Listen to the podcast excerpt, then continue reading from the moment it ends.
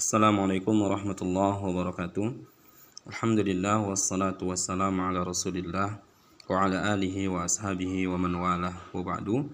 Para wali santri dan wali murid yang dirahmati Allah Subhanahu wa taala. Uh, insyaallah taala kita masuk kepada pertemuan yang ke-19 pelajaran ke-18 berkaitan dengan penyelenggaraan jenazah. Uh, dan kita yakin bahwa setiap yang bernyawa akan merasakan kematian. Oleh itu, eh, bagi kaum muslimin, kita harus mengetahui apa yang harus kita lakukan ketika kita melihat saudara kita atau orang-orang yang terdekat dengan kita eh, berada pada waktu sakratul maut. Nah, yang pertama yang harus kita lakukan adalah mentalkinkannya, mengajarkannya untuk mengucapkan kalimat-kalimat thayyibah ya kalimat la ilaha illallah.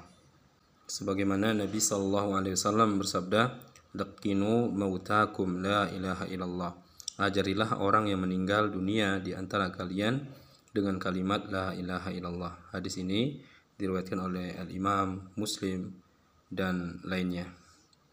Kemudian jika telah diyakini bahwasanya orang tersebut meninggal dunia maka ya kedua matanya dipejamkan, ditutup sebab ini bagian dari sunnah yang diajarkan Nabi Shallallahu Alaihi Wasallam. Kemudian wajib memandikan yang mayit seorang muslim kecuali bila dia mati syahid seperti mati di medan perang. Ada beberapa cara e, memandikan mayit. Di antara tata cara memandikan mayit adalah uh, aurat mayit harus tertutup ya aurat mayit harus tertutup kemudian uh, tekan perutnya secara perlahan agar keluar kotoran yang ada di perutnya Kemudian yang ketiga, orang yang mandikan mayit tersebut membalut telapak tangannya dengan sepotong kain atau sejenisnya, lalu membersihkan uh, kotoran dari mayit tersebut. Membasuh anggota wudhu si mayit sebagaimana wudhu untuk sholat.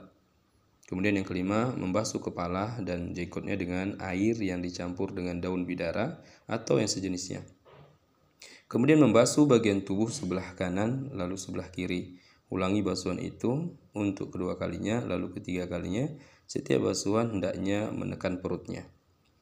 Bila ada kotoran yang keluar, hendaklah dibersihkan lalu ditutup dengan kapas atau sejenisnya. Setelah itu ulangi wuduknya. E, bila ia belum bersih dengan dibasuh tiga kali, ditambah lagi sampai lima kali atau sampai tujuh kali. Kemudian badannya dibasuh dengan handuk. Hendaklah ia diberi minyak wangi pada lipatan-lipatan tubuhnya dengan anggota sujudnya ya dan anggota sujudnya dan jika seluruh badannya diberi minyak wangi maka itu lebih baik. Ya kami ulangi, hendaklah ia diberi minyak wangi pada lipatan-lipatan tubuhnya ya dan anggota sujudnya. Dan jika seluruh badannya diberi minyak wangi maka itu lebih baik.